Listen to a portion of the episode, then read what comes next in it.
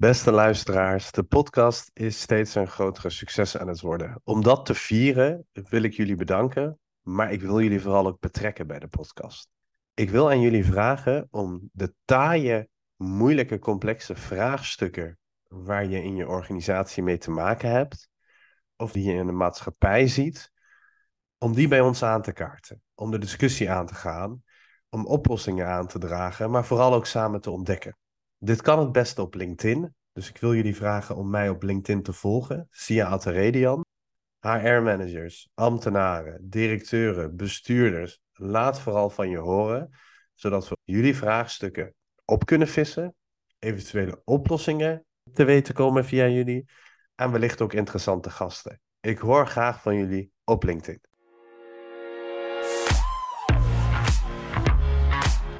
Zoals Oscar Wilde ooit zei: de waarheid is zelden zuiver en nooit eenvoudig. Toch komen we in het bedrijfsleven en in de samenleving veel heilige huisjes als ontastbare waarheden tegen. Waarom lukt het niet om uit de dogma's van die heilige huisjes te treden? Directieadviseur en organisatiefilosoof Sia Atteredian bespreekt in elke aflevering zo'n heilig huisje en zet het in een ander licht. Kan het toch anders? Hallo allemaal, daar zijn we weer. Ditmaal met een uitzending uh, met mijn, ik denk toch wel een van de, of misschien wel lievelingsauteurs uh, van Nederland. En ik denk dat dat komt omdat het mijn belevingswereld, mijn jeugd en een deel van mijn migratieachtergrond zo mooi belichaamt in zijn boeken. Uh, Kader Abdullah, welkom. Salam, welkom. Goedemorgen. Goedemorgen. Kader, ik vroeg, ik vroeg net aan jou voordat we uh, starten. Hoe is het? Is er iets nieuws? Toen zei je, laten we gewoon maar beginnen. Dus ik stel dezelfde vraag nog een keer. Hoe is het? Hoe gaat het met jou? Is er iets nieuws in je leven? Wat gaat er allemaal? Het... Ja, het is, uh, uh, het, is, het is een mooie dag. Voor, tenminste, een mooie, mooie ochtend. Want het leven heeft mij, uh, ben verrijkt door kleinkinderen. Uh, en laatste of jongste is een meisje van 2,5. En, en eergisteren had ik een interview met een krant. En een van de vragen was: wie is, wie is de persoon van het jaar voor jou. En uh, uh, ik wist het meteen wie, wie de persoon van het jaar was voor mij. Ja, het was mijn kleindochter van 2,5. Uh, eh, maar niet, niet omdat ik de, de trotse grootvader ben. Nee, hier gisteren wandelden we gewoon op de stoep buiten. Uh, ze, ze lopen een beetje, ja, ze kan een beetje, ja, nu, nu praten en ik probeer ook haar Persisch leren. En opeens zei ze, ja, waarom, waarom loop je zo hard? Tegen jou? Ja, waarom, uh, wacht tot ik ook kom. Uh, en ik keek om en ik zag dat ze uh, stil stond. bij, ons huis is langs een gracht stil stond in het gras en ze keek naar een boot die langs, langs ging. En ze keek naar de vogels en ze keek naar een vrouw die, die fietsen met een kind achterop langs liep. En ze keek naar een vliegtuig en dan verderop naar de hemel. Ik zag, wow, kijk, eh, we, gaan, we vliegen naar Mars en naar de hemelen om te kijken waar gaande is. Maar iets moois dan die aarde bestaat niet. En ik blijf gewoon met haar stilte gewoon naar die wonder waar we in wonen, uh, naar de wereld te kijken. Maar dit terzijde, uh, gisteren, ja, één keer per week kwam ze bij mij en ze brengt me naar kinderboerderij. Ja, dat doe ik altijd. Dat is gewoonte, dat doe ik. En ik bracht haar kinderboerderij en we hadden, uh, we hadden uh, eh, wortels meegenomen. Een kleine wortels en een grote wortels voor paarden, omdat ze van paarden houdt. En eh, paarden waren niet, maar het was een, het was een pony, pony, uh, klein, klein paard. En ik zei, oké dan, ga, ga pony uh, voeren met, met je wortel. Maar ze, ze deed het niet en ik deed het. Ik, ik heb met die wortels naar, naar de bek van, van de pony. Maar hij, opeens, hij pakt mijn hand en hij beet zodanig erin dat het bloed en dat het ziekenhuis en dat het, uh, dat het, dat het moest een, een prik, dat het moest uh, antibiotica. En ik dacht, wauw, wat, het wat, wat mooi is dit leven. Kijk, je bent zo verzekerd van alles. En opeens in, in, in zo'n klein paard kan je gewoon je wieret op de kop zetten. En, en ik dacht, vanmorgen was ik bezig met iedereen bellen, iedereen kijken of ik een, of ik eh, had gehad. Uh, uh, blijkbaar wel. En dan dacht ik, nu kan ik een gesprek met je voeren. Het leven is mooi, erg mooi en bijzonder. En het mooie komt dus dat het, het vanzelfsprekende zo op zijn kop gaat staan. En, en, waarom heb ik dit verteld?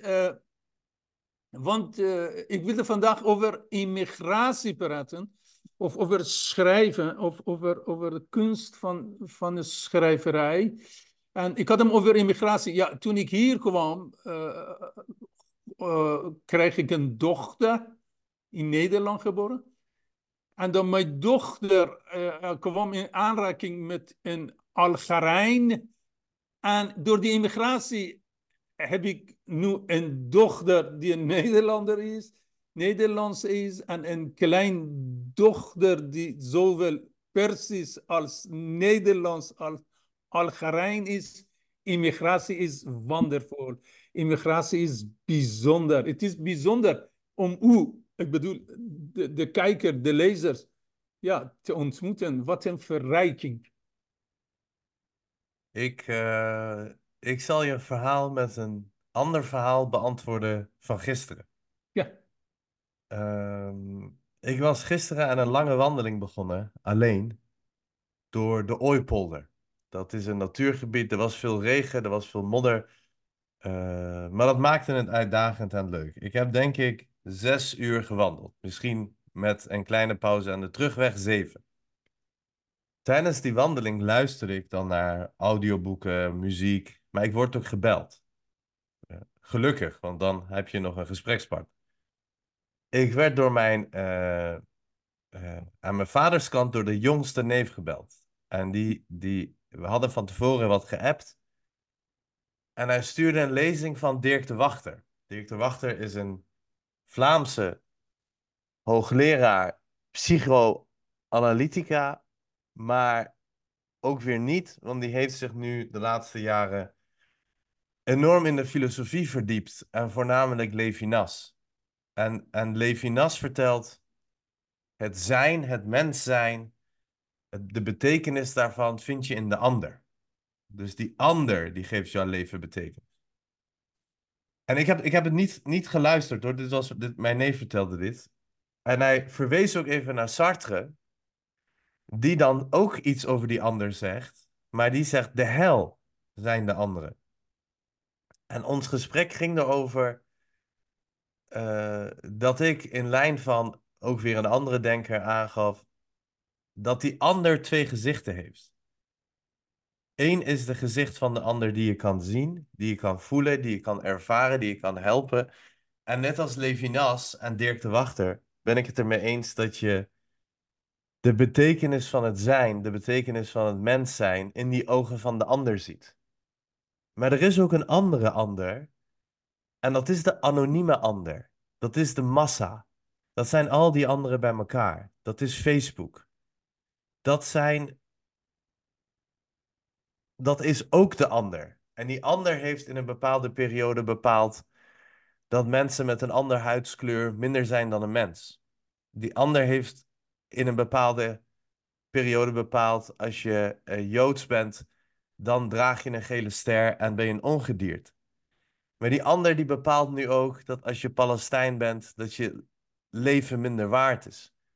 Dus wij zaten in ons gesprek vast in de twee gezichten van die ander. De ander, zoals jouw kleindochter, die het zijn, die jouw leven betekenis geeft. En zonder die ander heeft die leven geen betekenis. En de ander, wanneer die een massa wordt, wanneer het het men wordt, wanneer het een gezichtloze ander wordt. Ehm, en op dit moment is die ander, als ik naar de peilingen kijk en de uitslagen van de verkiezingen kijk, is die ander ook blijkbaar een eng wezen. Ehm, dus dit is mijn ervaring van gisteren over die ander. Maar een ander is, sowieso een ander is, we hebben een ander nodig. Of, of het angst aanjagend is, of juist vreugde en kennis geeft. Dat hebben, we hebben ze nodig. En, maar nu uh, uh, even terug naar, naar immigratie. Maar kijk, uh, immigratie of weggaan kende ik niet. Ja, tenminste tot mijn, uh, tot mijn 32ste, 33ste kende, kende ik dat niet. Uh, ik was nog nooit het vaderland uh, verlaten weggegaan of, of met vakantie of zulke dingen hadden we, was er niet. Of deden we niet in die tijd. Oké, okay, en dan, uh, op, op, op, welke redenen dan ook, uh, ja, ik hoef niet over te praten, dat staat wel in mijn boeken. Ja, vluchtte ik weg. Dat is heel, dat is heel interessant, vluchtte ik weg. En uh, ik kwam in, in Turkije terecht. En ik dacht, ik, heel, heel naïef, heel naïef dacht ik, oh, ik ben een van van weinigen of, of honderden die weg waren. Maar uh, ik vergiste me. Uh, Istanbul was er misschien 1 miljoen immigranten, vluchtelingen in Istanbul. Niet, alleen uit, niet alleen uit Iran, maar uit Irak, uit, uit, uit Syrië, uit, uit, uit, waar dan ook. En, en de stad had geen plek om je op te nemen. Maar uh, ik had het nog niet door. In die tijd had ik nog niet door dat ik in de eerste golf van immigratie terecht was gekomen. Dat na zoveel tijd, misschien tien jaar later, uh, met miljoenen naar Europa zouden komen. Ik had, ik had geen enkel besef wat immigratie betekende. En uh, vooral in persoonlijk niveau. Oké, en dan. Ik heb zo'n anderhalf jaar daar gewoon als een zeewerver gewoond. En dan, laten we zeggen, en dan kwam ik in Nederland. Ja? Hoe naar ik Nederland kwam, dit is een ander verhaal. En ik kwam naar Nederland. En ik werd opeens geconfronteerd met een nieuwe taal. Uh, en een nieuwe cultuur. Want uh, dat moet ik ook zeggen. Ik had altijd in, in, in, het vaderland een droom gehad om een bekende, beroemde, geliefde Persische schrijver te worden. Maar goed, nu was ik in Nederland en opeens niets. Want mijn uh, gereedschap was de taal, de cultuur en de mensen voor wie ik schreef. Maar de taal, de Nederlandse taal, was verschrikkelijk, vond ik. Oké? Uh, maar goed, ik leerde die taal en ik krijg ja, de taal een beetje onder de knie.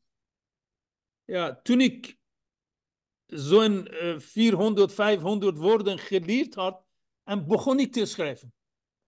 En vanaf hier gebeurde opeens een bijzondere belevenis. ik, ik wist het niet. Dat was de eerste stap van, van, van immigratie, wat ik meegemaakt heb. Uh, te schrijven in een andere taal. Ja, hoewel ik de taal nog niet kende.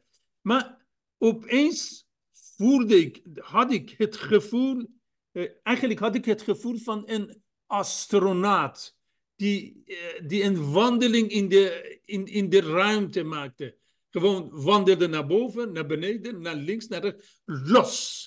Ik was los van, van alles. En ik wist niet los van wat, maar nu, nu weet ik het wel. Los van de van druk van je vader. Nou, net geen druk, gewoon traditie. Gewoon uh, de, uh, of remmen, culturele remmen. En los van de culturele, los van de taal remmen, van de, bijvoorbeeld Persische taal. Los van de remmen die een imam op je legt.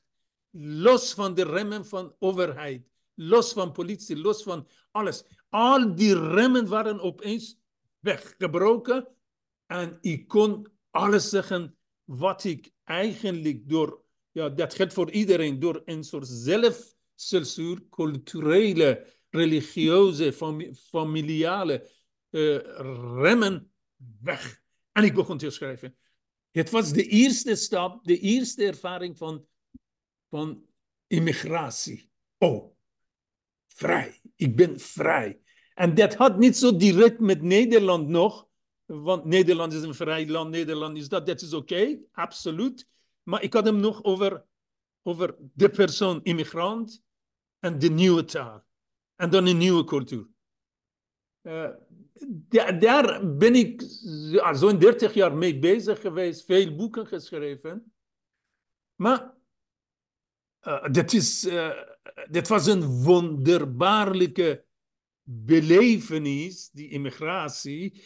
Want dat had ik niet door. Door worsteling met die Nederlandse taal, ontmoetingen met de Nederlandse cultuur, duizenden lezingen, alles opnieuw proeven en testen, had ik eigenlijk een nieuwe, nieuwe schrijver van mezelf gemaakt. Niet alleen een nieuwe schrijver, een nieuw mens van mezelf gemaakt. Gewoon iets anders van mezelf gemaakt. Dat ik niet kende. Kijk, als je, als je in eigen land, in eigen cultuur blijft, absoluut goed, absoluut bijzonder. Maar je komt niet, je komt in contact met jezelf, maar niet helemaal. Je zal gewoon een deels, misschien helft van jezelf zien. Maar door de immigratie, door de immigratie word je geconfronteerd door jezelf. Je ontmoet jezelf. En dat is een wonderbaarlijke ontmoeting. Mooi, mooi. Doet mij denken aan, uh, en ik hoop dat ik het goed zeg, een verhaal van Descartes, die eigenlijk niet van lezen hield. Dus dat is een van de werelds grootste filosofen, maar hij las liever niet. En hij vergeleek lezen met vakanties. Hij zei, als je te veel weg bent, dus als je te veel in andermans werk leest, als je te weinig aan jezelf werkt, dan raak je een stukje vervreemd van jezelf. Dan is het moeilijk om terug te komen van die vakantie. Maar omgekeerd zou je ook kunnen zeggen, als je te veel in je eigen werk zit, als je te veel op je eigen bestemming zit, dan mis je ook een deel van de wereld. En, en ik denk dat beide van die aspecten, als ik dan als migrant zou mogen spreken, spelen in dit verhaal. Mm. Dus een deel is, het is een ongelofelijke verrijking, maar het is tegelijkertijd ook een ongelooflijk gemis, want het blijft de verhouding tussen ik en de ander de ik die altijd op dezelfde plek zit. Ik noem ze voor de grap wel eens met vrienden ANWB-mensen. Die altijd op dezelfde plek zitten, altijd dezelfde trainingsbroek dragen, met dezelfde fiets, naar dezelfde route, naar dezelfde supermarkt. Ik ben daar soms jaloers op. Er zit een ongelofelijke verrijking in die geaardheid, in die thuis zijn in. Maar de kinderen van die mensen, mijn vrienden, die zeggen ook ja, maar er zit ook een ongelooflijk gemis in. Want die die verrijking van die reis, die is nooit uh, toegevoegd. En ik heb het gevoel dat migratie een ongelofelijke verrijking is, maar ook soms een ongelooflijk gemis is van het niet hebben van een fundamentele thuis. Uh, maar kijk, uh, in, er is uh, van groot Persische dichter Rumi of andere Persische literaire grootheden, er is, er is een zin bekend dat zegt, als je een ander wil leren kennen, moet je, moet je eerst jezelf leren kennen. Maar uh, ja, nog een keer, als je een ander wil begrijpen, als je de wereld van een ander binnen wil, moet je eerst de wereld van jezelf binnengaan. Maar dat, was, dat is als, het staat als een koe in het gras van, de, van Persische literatuur. Maar door de immigratie kwam ik achter dat het niet klopte. Uh, ik, ik, ik heb hem eigenlijk op de kop gezet. Als je wil weten wie je bent, moet je, moet je, kijken, moet je, uh, moet je kijken hoe er ander is. Moet je kennis maken met een ander tot je zelf begrijpen. En ik, ik, zal, ik zal iets grappigs vertellen. Toen ik de Nederlandse vrouwen leren kende, heb ik opeens, heb ik opeens voor het eerst al mijn oude Persische buurvrouwen leren kennen. Hm. Ik bedoel, opeens kwam ik achter hun schoonheid, achter hun wijsheid, achter hun... Uh, achter wat ze waren. Ik had ze niet gezien. Ik had ze, ik, ze waren gewoon buurvrouwen. Ze waren gewoon uh, uh, de vrouw van, de dochter van. Maar toen ik hier, bijvoorbeeld toen Janneke, toen Hanneke, toen wie dan ook ontmoette. En dan dacht ik, hé, hey, heb ik, heb ik een ander, ander ontmoet. Maar uh, goed, ik denk, ik denk de immigratie geeft. Even, ons... even over die buurvrouw nog. Kwam dat, oh, okay, kwam dat door het gemis van wat er niet meer was?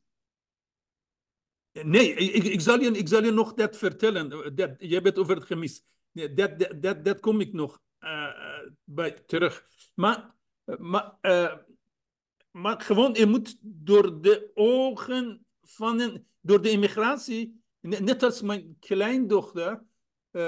Ik, ik, had, ik had zoveel over sterren, over alles gelezen. Maar opeens kijk je door de ogen van een ander, van dat meisje, naar de wereld, naar de aarde. En dit is anders. En, en, en dat was ook betreft de vrouwen, bijvoorbeeld. Of de mannen, ik noem hem vrouwen, maar de mannen. Uh, of of de, mijn buurmannen, maakt niet uit. Maar, maar dus, iets dus wat je hebt wil... het dan over de verplaatsing in die ander om vanuit die ander jezelf te zien. Ja, na natuurlijk. Je hebt, je, hebt een, je hebt een ander nodig. Je hebt een ander nodig om de waarde van jezelf, om de waarde van je uh, eigen, in dit geval als immigrant, de waarde van je eigen cultuur, de waarde van identiteit. Kijk, je moet uh, door de worsteling, door, de, door kennismaking, door 30 jaar lang dag en nacht in het Nederlandse taal te schrijven en te werken in die mooie, bijzondere, uh, poëtische Nederlandse taal, uh, heb ik opeens een nieuwe kijk naar de Persische literatuur gekregen. Ik kende de Persische literatuur. Ik kende de kracht van de Persische literatuur. Ik, ik, ik, ik, ken honderden uh, gedichten uit, het, uit mijn hoofd. Maar door de kennismaking met bijvoorbeeld Jip en Janneke, bij kennismaking met mevrouw Annie M. G. of Harry Mulisch of wie dan ook. Ik heb hem nu even niet over kwaliteit, alleen kennismaking met deze literatuur. Krijg je een vergelijkingmateriaal om jezelf, om je waarde, om, om, om, om dat te, te, te ontkennen, te, te, te, te, te zien. Uh, maar je had het over gemis, maar, uh, maar kijk, maar immigratie, uh, de, de immigrant dat heb ik in mijn nieuwe boek over geschreven, voordat het laat wordt, de titel. Het, het hele Hoe heet de titel? Voordat het laat wordt. Is nog niet uit, of wel? Het is uit, het is uit. Het is al zelfs in, met derde druk bezig. Maar uh, het is uit. En, uh, maar kijk, de immigratie, ja, de immigrant, zodra de immigrant weg is, mis hij, zij, de oorsprong, zijn oorsprong, thuis. Het is gewoon, het is, het is, het is gewoon een kindmoeder. Die, die, die relatie blijft. Wie? Als je God bent en weg bent, blijf je gewoon naar oorspronkelijke verlangen. Maar, maar er, is, er, is, er is een probleem. Er is een probleem met immigrant. Immigrant mist altijd de plek waar hij verlaten heeft. Zelfs als hij hier in Nederland uh, een, een, een, miljonair geworden is of zelf alles heeft. Maar en, en die ervaring hebben we, deze menselijke ervaring, dat kennen we in, in, in, in, de, uh, in de grote uh, zoektocht terug naar huis gaan van, uh, hoe heet die?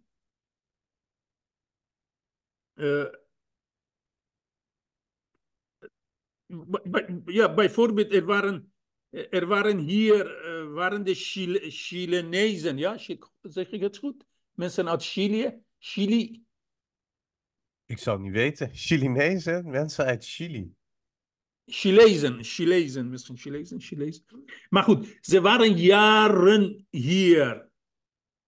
Tijdens de dictatuur. dictatuur. Ch Chilenen. Chilenen. Chilenen. Chilenen, ja. Chilenen, ja. Ze waren uh, hier tijdens de uh, dictatuur Pinochet. En ze wilden altijd terug naar huis. Altijd terug naar huis. En toen Pinochet verdween, het, en dan keerden ze allemaal terug. Terug met grote teleurstelling.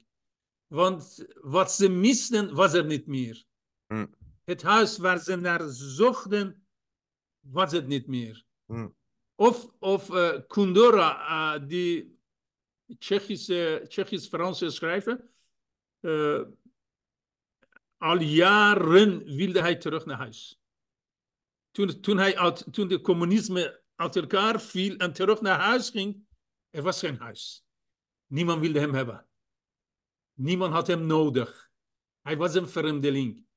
Dit gemis, alleen voor één ding is het goed is, is, komt alleen eh, op één plek komt, komt goed op zijn recht. Om er iets van te maken. Creëren. Met gemis moet je iets kunnen creëren. Of literatuur, of huizen bouwen, weet ik veel, of wetenschap. Of naar Mars gaan. Ja, naar Mars gaan, dat is een goede. We komen weer terug naar mijn kleindochter. Maar kijk, we gaan allemaal terug. We gaan naar Mars. Waarom gaan we naar Mars? Ben we gek geworden? En we gaan naar andere sterren op zoek. Op zoek naar waar? Allemaal gemis van de plek waar we allemaal vandaan komen. Dat vind ik wel een mooie. Want ik heb je uh, gewoon uh, als hobbymatig om mezelf bezig te houden tijdens dit gesprek. Ik heb je verhaal in een denkgereedschap uh, gezet. Voor mezelf was er niks van plan. Maar nu vind ik het wel mooi om het met je te delen. En aan de ene kant, en ook voor de luisteraar, zeg je, die, die cultuur die had remmingen. Dus ik belemmerde mezelf vanuit ja. die cultuur, vanuit die historie. En Ja. misschien was het ook meer een zelfcensuur dan wat dan ook. Het zat in mij. En aan de andere kant vond ik in die cultu- andere cultuur in Nederland de vrijheid. En dat had niet per se met Nederland te maken, maar dat had het loskomen van het oude, Ja. daar zat het in. Ja, En daaronder gaf je bij dat vrijheid, bij dat loskomen, had je het over mogelijkheden ja, en dingen doen. Ja, En je zet nu onder die remmingen het gemis, maar dat gemis heeft alleen zin als het je aanzet om die mogelijkheden te benutten. Dus dan breng je het verleden en de toekomst samen, waarbij het verleden wordt gezien als een remming, maar ook je vorming, En je geeft, ja, geeft energie, kracht. geeft Ja, energie. En het missen van die verleden is terecht, maar het zal nooit ergens naartoe leiden, behalve het benutten en kansen van je toekomst. That's it. Eh, gemis is een energie die immigrant met zich meeneemt. Maar helaas zijn er eh, immigranten er niet bewust van. maar behalve zij die er bewust van zijn, chemis is een kracht, is een energie die de natuur en de immigrant meegeeft om ermee iets nieuws te maken. Iets, iets, iets nieuws te maken, wat, zelfs iets nieuws te maken wat, uh, wat in dat land, in, in, in gastland nog niet aanwezig is. Want je gaf aan, in dat gastland was ik een nieuw mens en een nieuw schrijver. Dat, uh, uh, ik wil niet over mezelf, maar, ik, uh, maar door je nieuwe. Kijk, immigrant, immigrant we kijken naar een, man met een koffer. met arm, armoedig uitziet. Maar, maar hij heeft zelf, misschien weet hij zelf ook niet, maar hij heeft een cultuur met zich. Hij heeft een literatuur met zich. Hij heeft techniek met zich. Hij heeft alles wat het gastland hoogwaarschijnlijk niet heeft. Of heeft, hij heeft op een andere manier alles meegedaan. En hij neemt al die dingen mee. Met al die dingen mee en met de nieuwe cultuur, met gastland, dat hij zichzelf, ja, dat hij leert. Ja, hij brengt iets nieuws. Hij brengt iets nieuws. Maar ik zal, ik zal iets grappigs vertellen. Nieuwe, nieuwe uh, ogen in ieder geval. Ja, kijk, uh, vroeger, toen ik voor mijn lezingen ging, als een jonge schrijver hier, overal naartoe. en dan s'avonds was ik altijd de laatste passagiers op de treinstations. En ik ging aan, aan honger. En ik ging altijd, je ging gewoon vanzelf naar die uh, muur, hoe noem je dat? Een yeah. kroket halen of, of, of, Uit de muur, ja. Uit, uit, de muur halen of dat was. Het was niets anders. Gewoon een kroket halen of een patat. Het was niets anders. Maar kijk, nu, de immigranten, de Turken, de Chinezen hebben hele... Uh, al, alle stations van Nederland overgenomen en, uh, en, en je krijgt kebab, je krijgt gewoon, je krijgt allerlei, allerlei andere lekkere dingen, snap je? Iets toegevoegd hebben. Dat is immigratie. Ze, ze hebben gemis. Kijk, alle Turken missen gewoon die shawarma van moeder, van vader, van, de, van die kebabzak en de corner van ons dorp, van onze stad. Maar door, die, door dat gemis uh, hebben ze overal. Ga maar naar Rotterdam, lekkerste shawarma van de wereld. Ga, ga, naar, ga naar Den Haag. En doordat, ze hebben dat gemis ge, omgezet naar, naar een lekkerste shawarma van hun grootmoeder, grootouders. Dat is, dat is de immigratie. En, maar wat moet het nu met de gemis van de Nederlander die op hetzelfde station als jij op zoek is naar die kroket? Uh, uh, ik heb, uh, dit is, het is iets, vaak bij mijn lezingen wordt dezelfde vraag gesteld.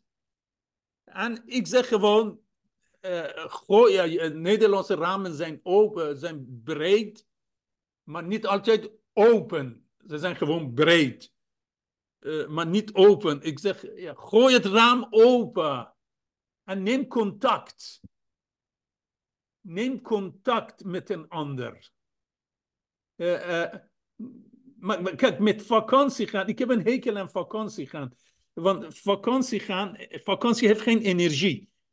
Vakantie is alles, alles klaar. Ticket is klaar. bed en breakfast is klaar. Airbnb is klaar. Je, je, je, je, geniet, je, je rust uit, maar dat verandert je niet. Dat verandert je niet de veranderingen die je meemaakt eh, zijn oppervlakkig. Je vergeet het. Na, na twee, drie weken vergeet je en weer, weer, weer weg. Maar contact opnemen. Contact hebben met een ander. Ga in een ander land wonen. Maar goed, dat kan niet voor iedereen. Maar in Nederland kan dat wel. Neem contact. Bijvoorbeeld met die kader Abdullah, bijvoorbeeld. Uh, en, en dan gewoon klop tegen de deur en dan kom binnen. En, en, en, gewoon zeg, ik, ik, ik, ik zal je iets moois vertellen. Uh, eh, 30 jaar geleden, toen, ik net, toen we net in Nederland waren, werd bij ons uh, geklopt. De deur. Ja, ik, ik, ik maakte de deur open. Uh, wie stond daar? Gewoon een, een, een jonge moeder met, met twee kindjes.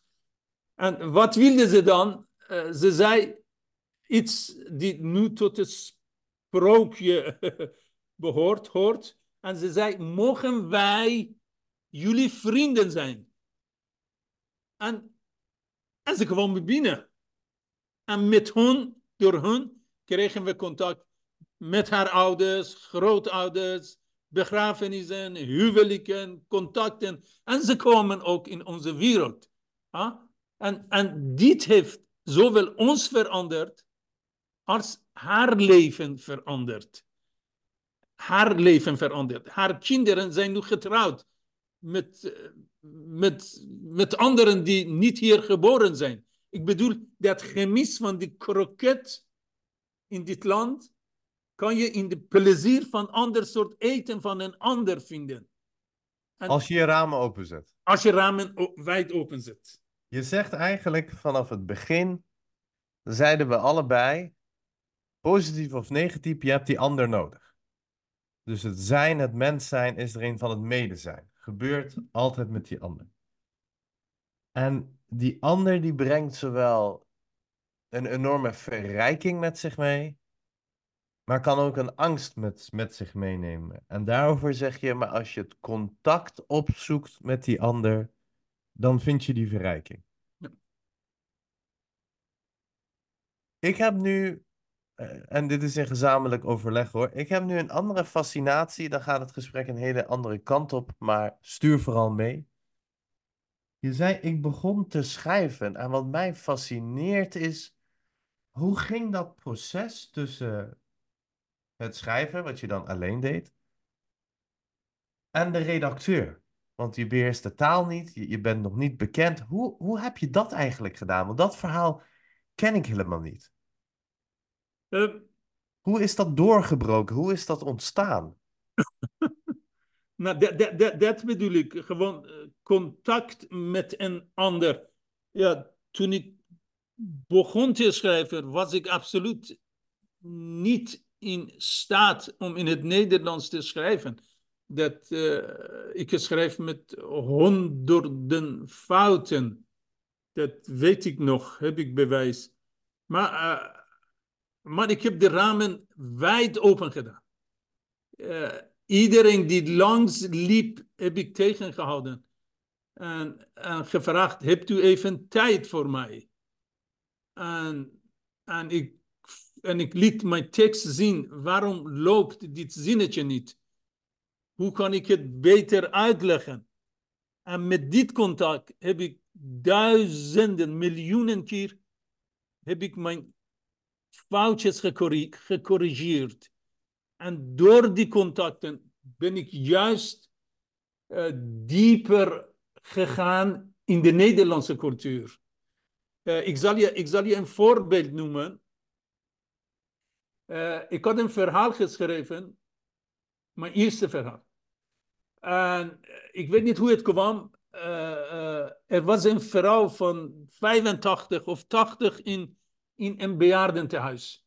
En ik weet niet door wie was ik in contact met haar gekomen, zodat ik met haar een beetje Nederlands leren. En ze keek mijn verhaal na. Nakijken, oké? En op een avond toen ik bij haar was, eh, dat bedoel ik over contact, zei ze tegen mij, je verhaal is goed, maar ik heb een adres voor jou. Het is een literair café. Uh, ga naar die literair café, je kan daar mensen ontmoeten. En, en je kan ook je verhaal misschien daar voorlezen. En ik ging naar dat literair café voor het eerst met één verhaal.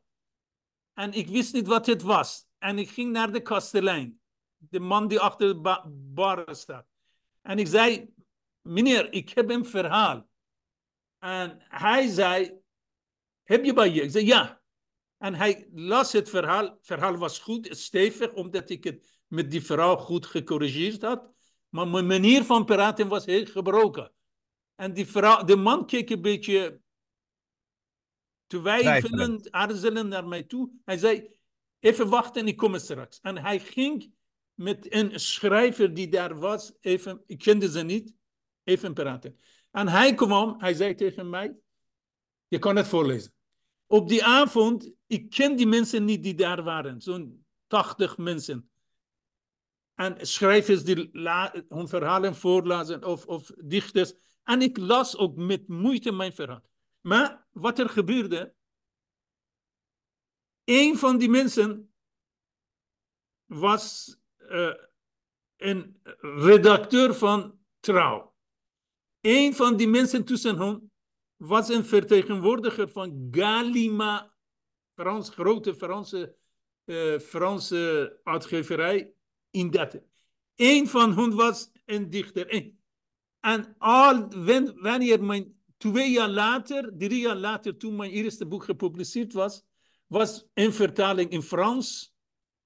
En eerste, eerste recensie via die, die, die mensen.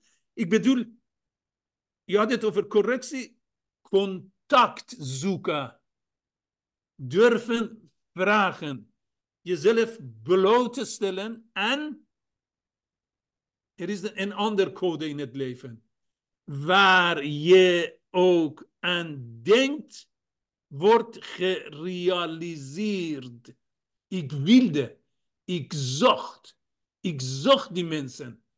En omdat ik ze zocht, kwam via die vrouw, via wie anders, contact met die mensen. Dus eerst moet je het willen.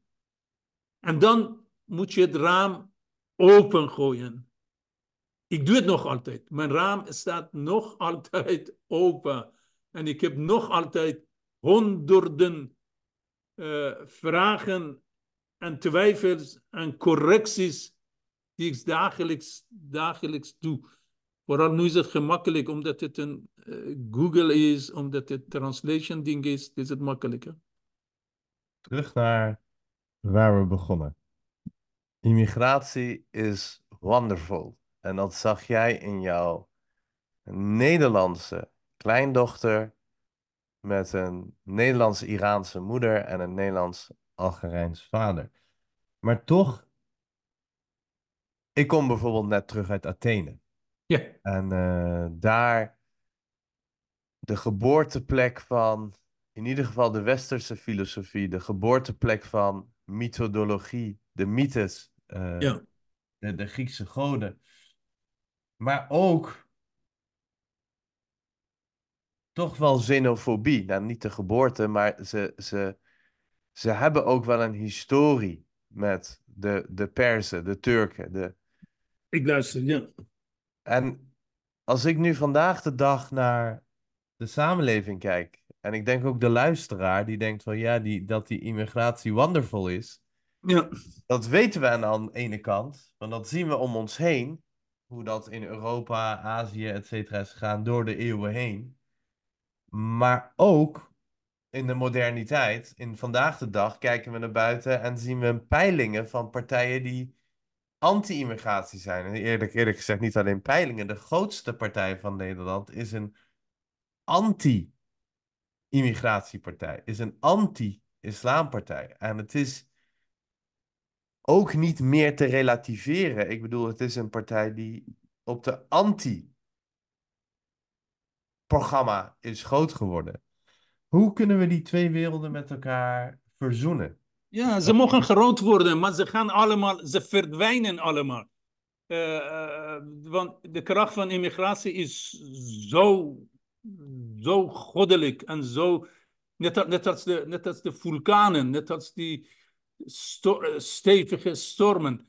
Uh, kijk, over, ik, met respect voor de heer Geert Wilders, met respect voor alle andere partijen, mensen die tegen de immigratie zijn, die is heel goed. Ze zijn noodzakelijk, wat ze zeggen. Ik heb wat, ze, wat ze vertellen, komt uit armoede. Maar die armoede is nodig om, om rijkdom te begrijpen. Dus uh, het kan niet anders. Een, een, type als de heer Geert Wilders komt vanzelf. Als immigratie komt, Als, als de nacht komt, komt ook de, de dag. Dat, is, is geen, geen twijfel aan. Ze moeten komen. Ze zijn noodzakelijk. Juist door hun worden immigranten onder een harde hamer gezet. En ze worden, uh, ze worden in plaats van ijzer, worden stijl, worden uh, staal, worden harder. Worden, dat is nodig voor het land. Juist iemand als Geert Wilders maakt het land gezonder.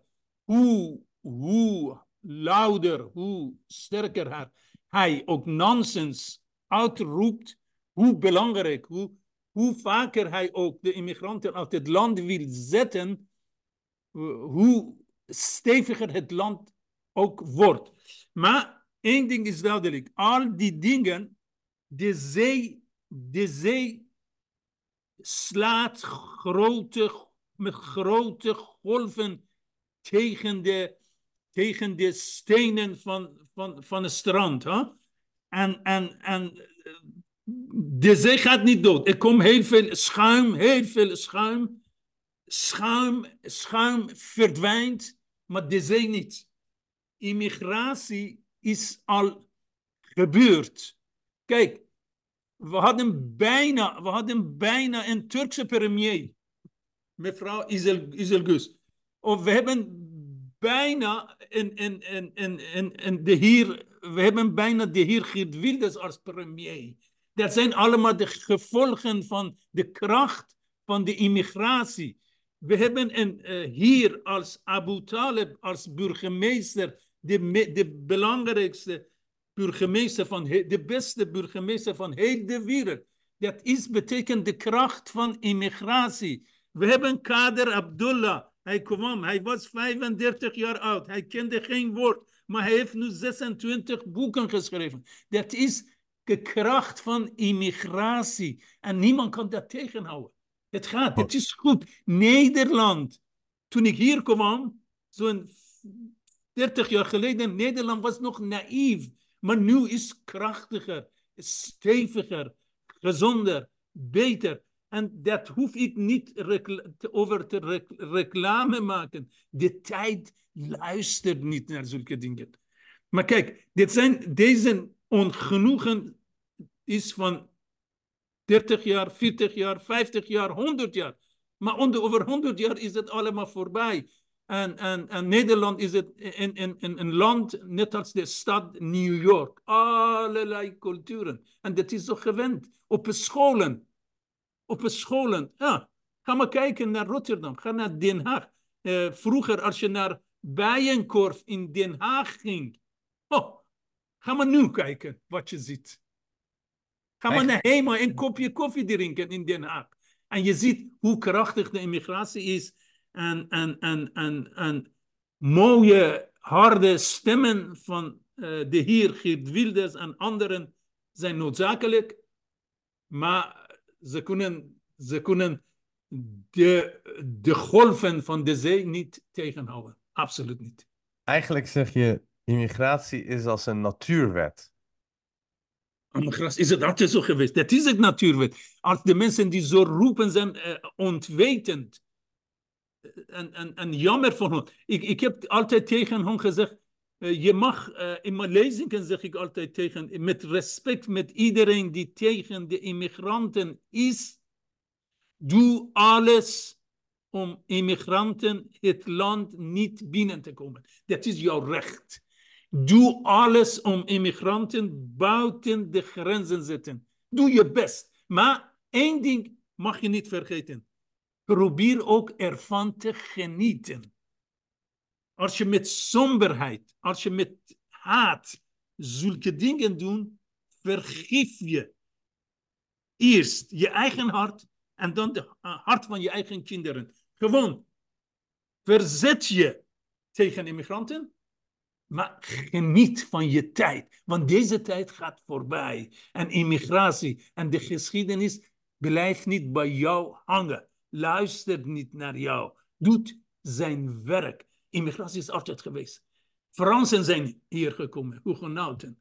En, en, en wie zijn hier gekomen? Gewoon Belgen zijn al met duizenden hier gekomen. Surinamers zijn hier gekomen, Vietnamezen, Indonesiërs, Iraniërs. Jij, ik en iedereen. Oké, wat is gebeurd? Misschien een leuk moment om ook te zeggen dat Geert Wilders ook Indische roots heeft. Oh, dat ook nog. dat ook nog, dat ook nog. Het, Maar kijk, eh, ik wil gewoon eh, eh, iets, Odyssee, je had het over, over Griekenland. En, en opeens schoot me Homer te binnen. En een van de grootste, meesterlijke, liter, liter- literatuurwerk van de wereld is Odyssee. Ja? Eh, Odyssee gaat eigenlijk over, ja, eh, Homer heeft zo'n groot, dik boek geschreven. En hij stuurt Odyssee gewoon naar oorlogen, tien jaar weg. En zoveel, hij laat zoveel ellendes mee te maken met één doel. Om die gemis van huis, thuis te, over gemis van thuis, thuis te beschrijven. Hij, hij, hij, probeert dit te doen. En Als je leest, is niets anders gemis van tijd. Maar door die gemis van, van, van huis thuis, en laat hij uh, Odyssee terug naar huis geven. En tijdens, door terug naar huis, om al die pogingen van kracht van gemis, doet hij wonderbaarlijke dingen. Die wonderbaarlijke dingen, resultaat is een boek dat Homer heeft geschreven over Odyssee. En wat er ook gebeurt, is één ding is, uh, Homer schrijft over gemis. Die gemis heeft alleen niet met immigranten te maken. Gemis zit in de mensheid. De mensheid, in, dat is gewoon Persische literatuur. Sinds de mensheid uit zijn bron verbannen is, bron, uh, mens denkt dat hij aan de andere kant van de hemel gewerfd komt, waar God was, waar iets wat voor, voor, voor de tijd, voor de tijd van de Big Bang, dat opeens Big Bang ligt, wordt aarde, mens, en mens wil terug naar die plek, gemis naar die plek. Door die gemis maakt hij vliegtuigen, door die gemis maakt hij raketten, door de gemis, het gemis gaat hij naar maan naar haar Mars. En gaat verder en gaat zelfs. En hij zoekt terug naar huis. Terug naar huis. Immigratie. En terug naar huis is wat de mensheid, de geschiedenis nodig had om zover te komen. Van het gemis van het afscheid van het goddelijke. Het gemis. Kijk, uh, uh, Rumi, groot Persisch dichter, uh, heeft een wonderbaarlijk ding over, over dit onderwerp geschreven. En het gaat over uh, uh, gedicht over rietfluit. از نیستان چون مرا ببریده اند از نفیرم مرد و زن نالیده اند. سین خواهم شرح شرح از فراق تا بگویم شرح درد اشتیاق.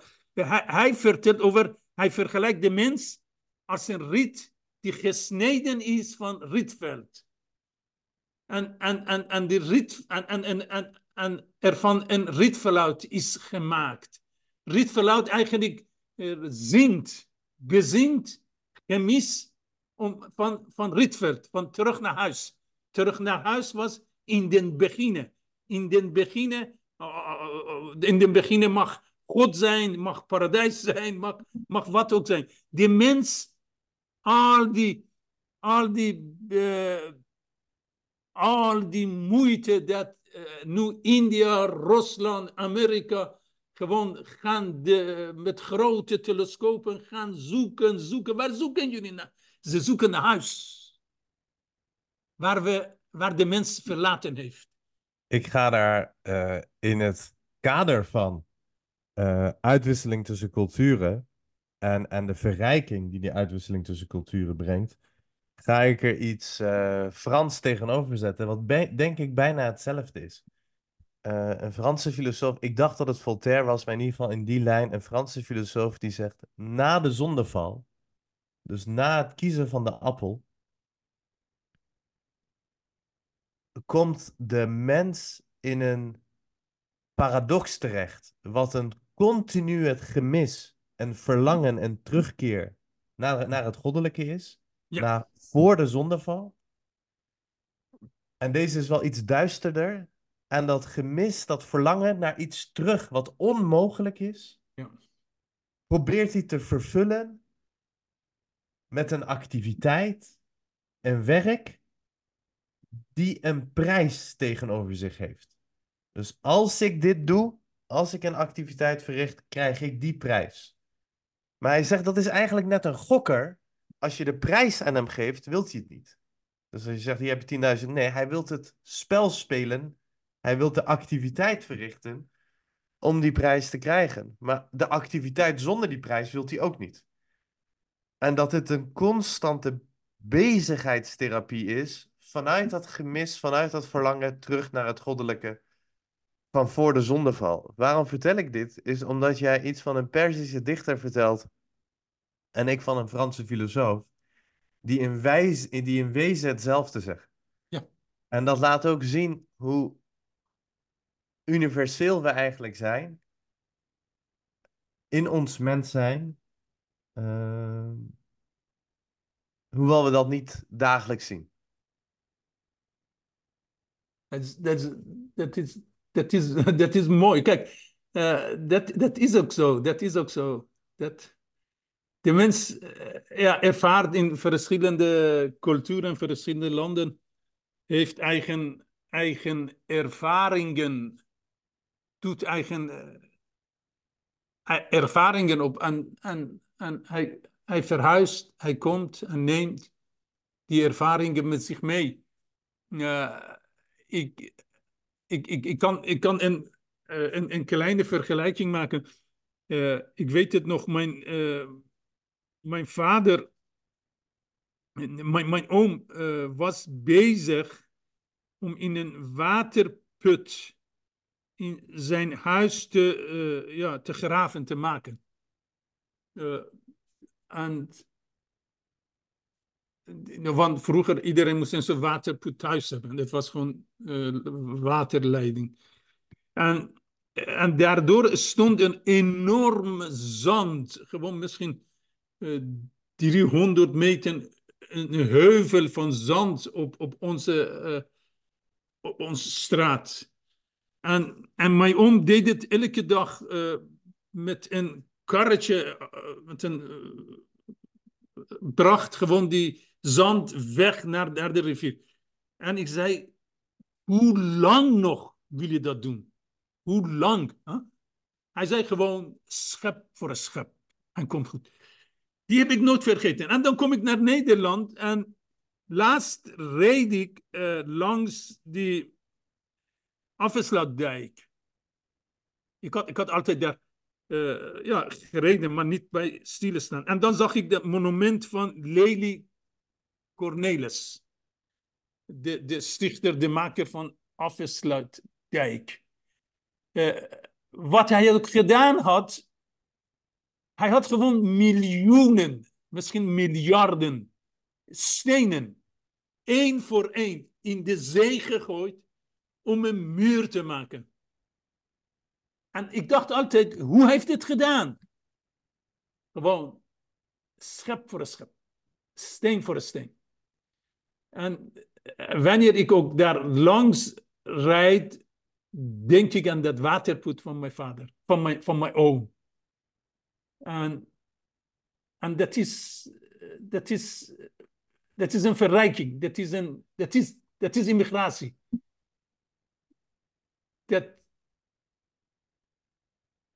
je, je laat ze totaal op een andere manier naar alles kijken. En dat maakt het mooi.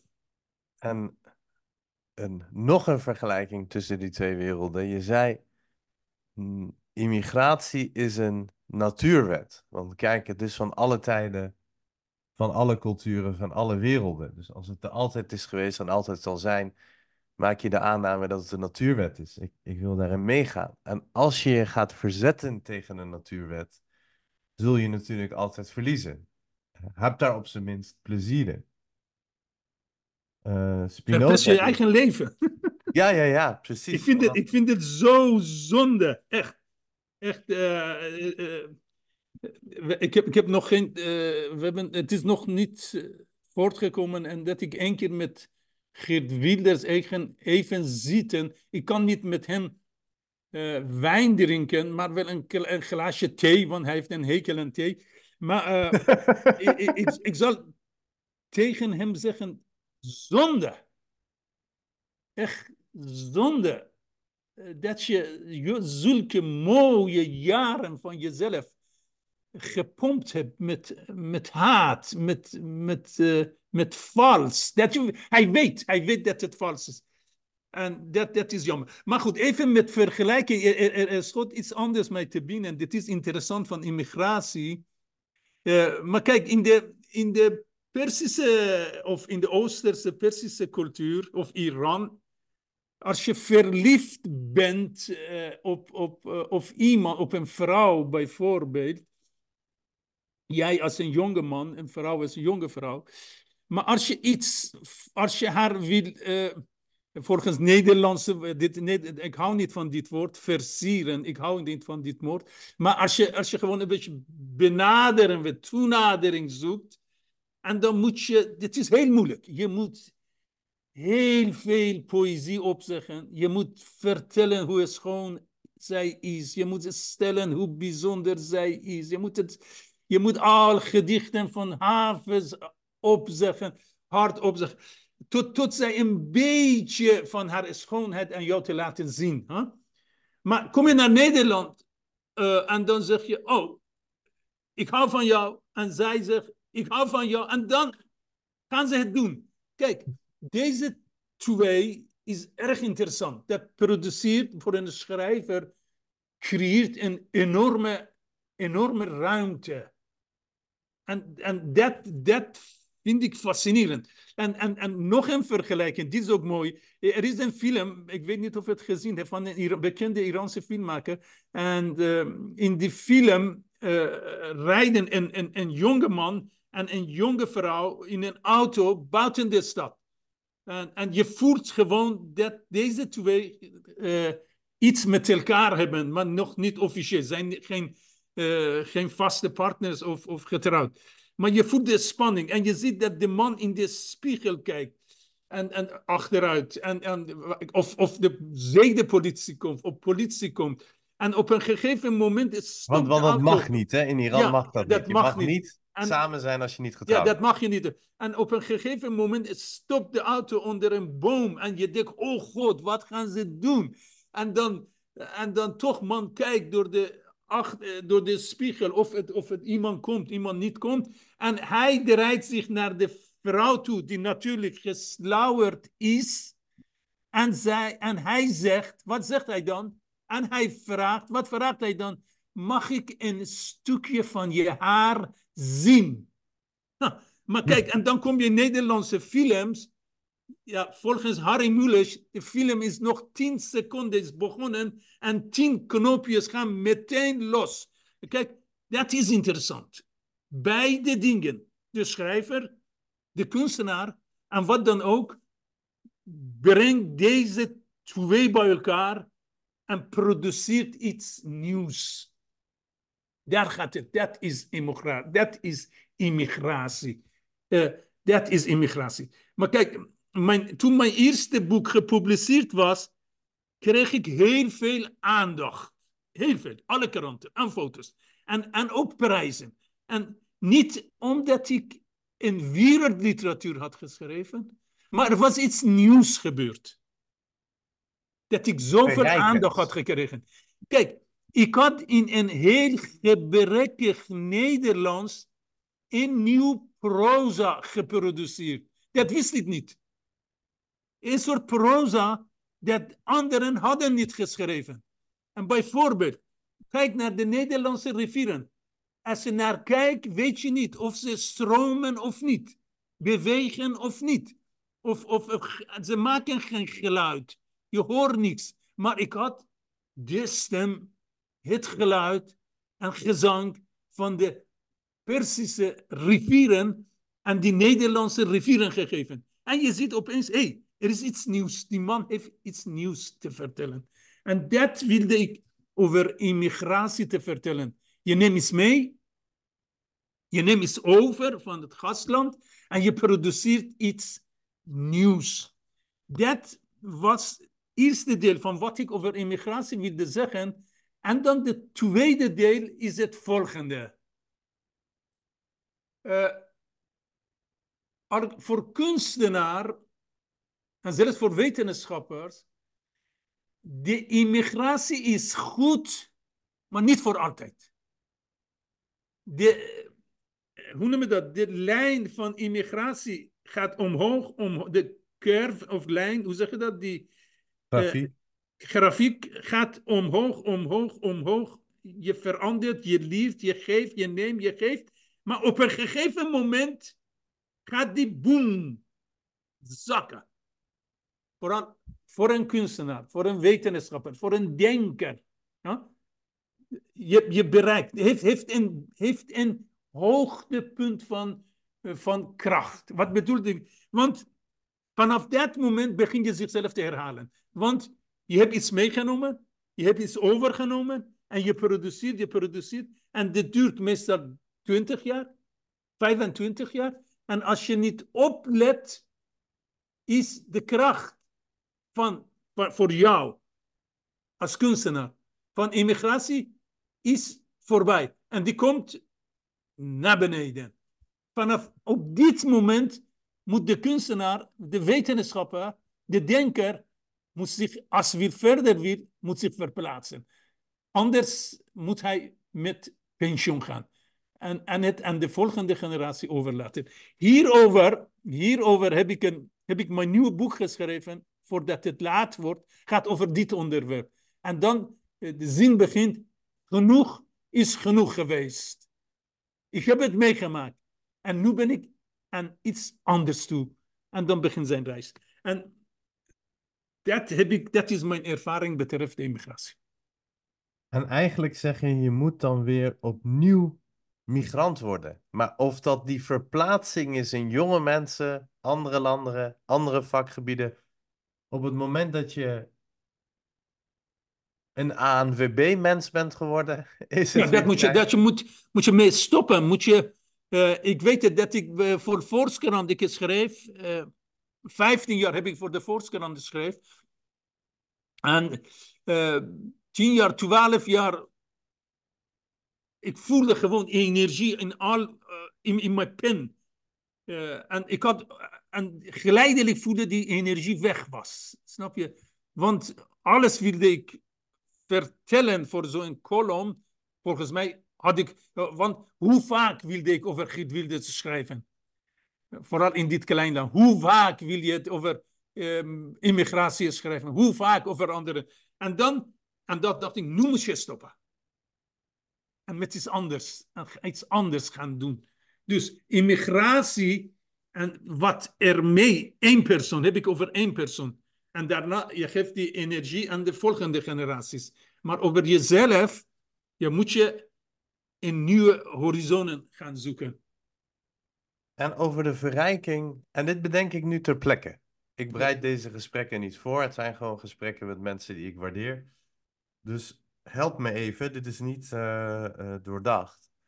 Maar in de Adelaar of de reis van de lege flessen geef je de een kijkje in de belevingswereld van uh, de migrant. Ja.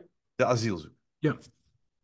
In de huis van de moskee en in, en in het boek over Rumi, of gedichten van Rumi. Ja dan geef je de verrijking van een andere cultuur weer. Mijn interpretatie. Uh, ja. Wat doe je in je laatste boek? Oh, dit, dit, uh, dit is heel mooi. Uh, mijn laatste boek, gelukkig, ik blijf niet met mijn laatste boek, ik ben met iets nieuws bezig, ik zal je vertellen. Mijn laatste boek gaat, laat ik de immigrant terug naar huis keren. Maar het is wonder van de schrijverij. Wat ik in mijn hoofd had, gebeurde niet. Het, de, pen, de pen ging zelf bepalen. En ging totaal een andere kanten op. Snap? Maar goed, ik ga niet over dat verhaal hebben. Maar je had het over mijn uh, uh, ander boek, Rumi.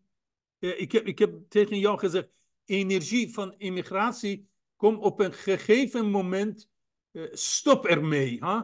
En dan moet je iets anders doen. En dat heb ik gedaan. Dat heb ik mijn horizon veranderd. En ik heb laatst, in de laatste zes, zeven jaar, heb ik duizend en een nacht heb ik herschreven. En dan heb ik Rumi gedaan. En, en dan ben ik nu met Zarathustra bezig. Zarathustra. Zarathustra bezig, want uh, uh, uh, ik wil, want immigrant komt. Ik heb, ik heb je verteld, je ziet gewoon een man die met een koffer komt. Maar hij heeft, hij heeft een bagage met zich meegenomen. Huh? En ik, ik kwam, toen ik hier Nederland binnenkwam, was ik zo'n 33 jaar oud. En ik kende onze eigen Persische literatuur helemaal. Uh, en er is iets wonderlijks gebeurd. Ik bijvoorbeeld Rumi, mijn, mijn vorige boek, heb ik over Rumi geschreven. Ik wilde altijd iets over Rumi schrijven, maar ik wist niet wat. Huh? Want er zijn honderden boeken over Rumi geschreven. En opeens, juist door de immigratie, door mijn eigen ervaring, heb ik een nieuw, nieuw manier gevonden om over Rumi te schrijven. Dat, en dat had juist niemand, niemand in het vaderland over geschreven. Niemand in de wereld had over Rumi op die manier geschreven. Rumi was een immigrant. Toen Genghis Khan het land Iran binnenviel, de vader van Rumi pakte de hand van Rumi en ze vluchtten weg. Ze waren tien jaar onderweg. En die vlucht had Rumi gemaakt. Wat bedoelde ermee? Hij heeft veel talen geleerd. Persisch geleerd, onderweg Arabisch geleerd, Grieks geleerd en oud-Romeins geleerd, Turks geleerd en heeft immigratie meegemaakt. En door die immigratie is hij Rumi geworden. De grootste Persische of wereldliteratuur gemaakt. En dat wist niemand. En ik wist het omdat hij immigratie meegemaakt had. En dat heeft werk. En nu ben ik met Zarathustra's bezig. Er zijn honderden boeken over hem geschreven. Maar mijn boek, mijn nieuw boek, mijn nieuw kijk is bepalend, is, is belangrijk. Want niemand, want hij was ook een vlucht. Hij vluchtte ook weg uit zijn, uit zijn geboortestad. En deze dingen is een beloning voor Kader Abdullah dat immigratie hem gegeven heeft. Ik ben dankbaar voor, voor deze vlucht. Kijk, toen ik wegvluchtte uit het vaderland, wist ik waarom wegging. Maar ik wist niet wat ik kreeg. En dat is het. Wat ik nu krijg. Eén. Ik kreeg mezelf terug. Ik heb mezelf ontmoet. Ik kende mezelf niet. Maar ik kende me nu hele, niet helemaal. Ik, kende me, ik ken me nu heel goed. En immigratie heeft mij Rumi gegeven in uw boek. Duizenden en een nacht gegeven. En Zarathustra's gegeven. En de Koran gegeven. Maar niet als een traditionele weg, maar, maar met een nieuwe blik naar, naar, naar die werelddictatuur. En daarmee heb ik iets nieuws geproduceerd. Want als ik in Iran was gebleven, had ik geen enkel van die boeken geschreven. Mooi, mooi. Ik hou onze uh, dansje in stand door te zeggen dat uh, Rumi als migrant bekijken, uh, de verrijking daarvan voor nu, voor de nieuwe generaties, uh, allochton of autochtoon, Ehm, ik gaf laatst een lezing voor het ministerie van Buitenlandse Zaken. Nou, in die uh, rol ken jij mij niet. Uh, wij werken wel eens samen, dat is een andere rol. Maar in de rol van de spreker dan ja, spreek je. Je hoeft niks te begeleiden, je hoeft niemand in positie te zetten, jij spreekt. En het is niet voor hier uh, of voor het publiek om dat verhaal te herhalen. Maar wat ik in mijn verhaal ontdekte, is dat de grootste denker, en grootste wordt hier bepaald niet omdat ik een fan ben, maar door de grootste invloed. De grootste denker in de menselijke geschiedenis, dus het grootste invloed, is Aristoteles. En Aristoteles is wat mensen niet weten, is een allochtoon. Want Aristoteles kwam niet uit Athene. En daar heeft hij heel veel last van gehad. Want hij mocht niet de opvolger worden van zijn docent Plato. Terwijl hij de beste leerling was, terwijl dat overal erkend was, terwijl hij na Plato het over moest nemen. Maar omdat hij een allochtoon was, want hij kwam niet uit Athene, ging de school naar de neef van Aristoteles. En Aristoteles heeft een tijd lang uh, uh, verbitterd rondgedwaald en mocht officieel, onofficieel heeft hij het natuurlijk uh, op een gegeven moment kunnen doen, geen school openen in Athene, want hij was een allochtoon. En de verrijking daarvan is nu glashelder. Dat is de grootste denker in de menselijke geschiedenis, want de grootste invloed. Maar in die tijd was het natuurlijk een allochtoon. En dat biedt denk ik troost. Maar het is ook triest. Ja. Ik kreeg een WhatsApp-vraag. Ben je klaar? We zijn bijna klaar. Dus de We zijn vraag, bijna klaar. De vraag aan jou is: met welke woorden wil je afsluiten? Uh,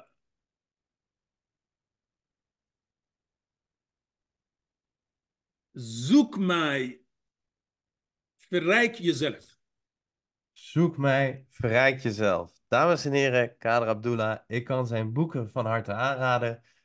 Uh, die openen in ieder geval de ramen en bieden de verrijking. Kader, dank.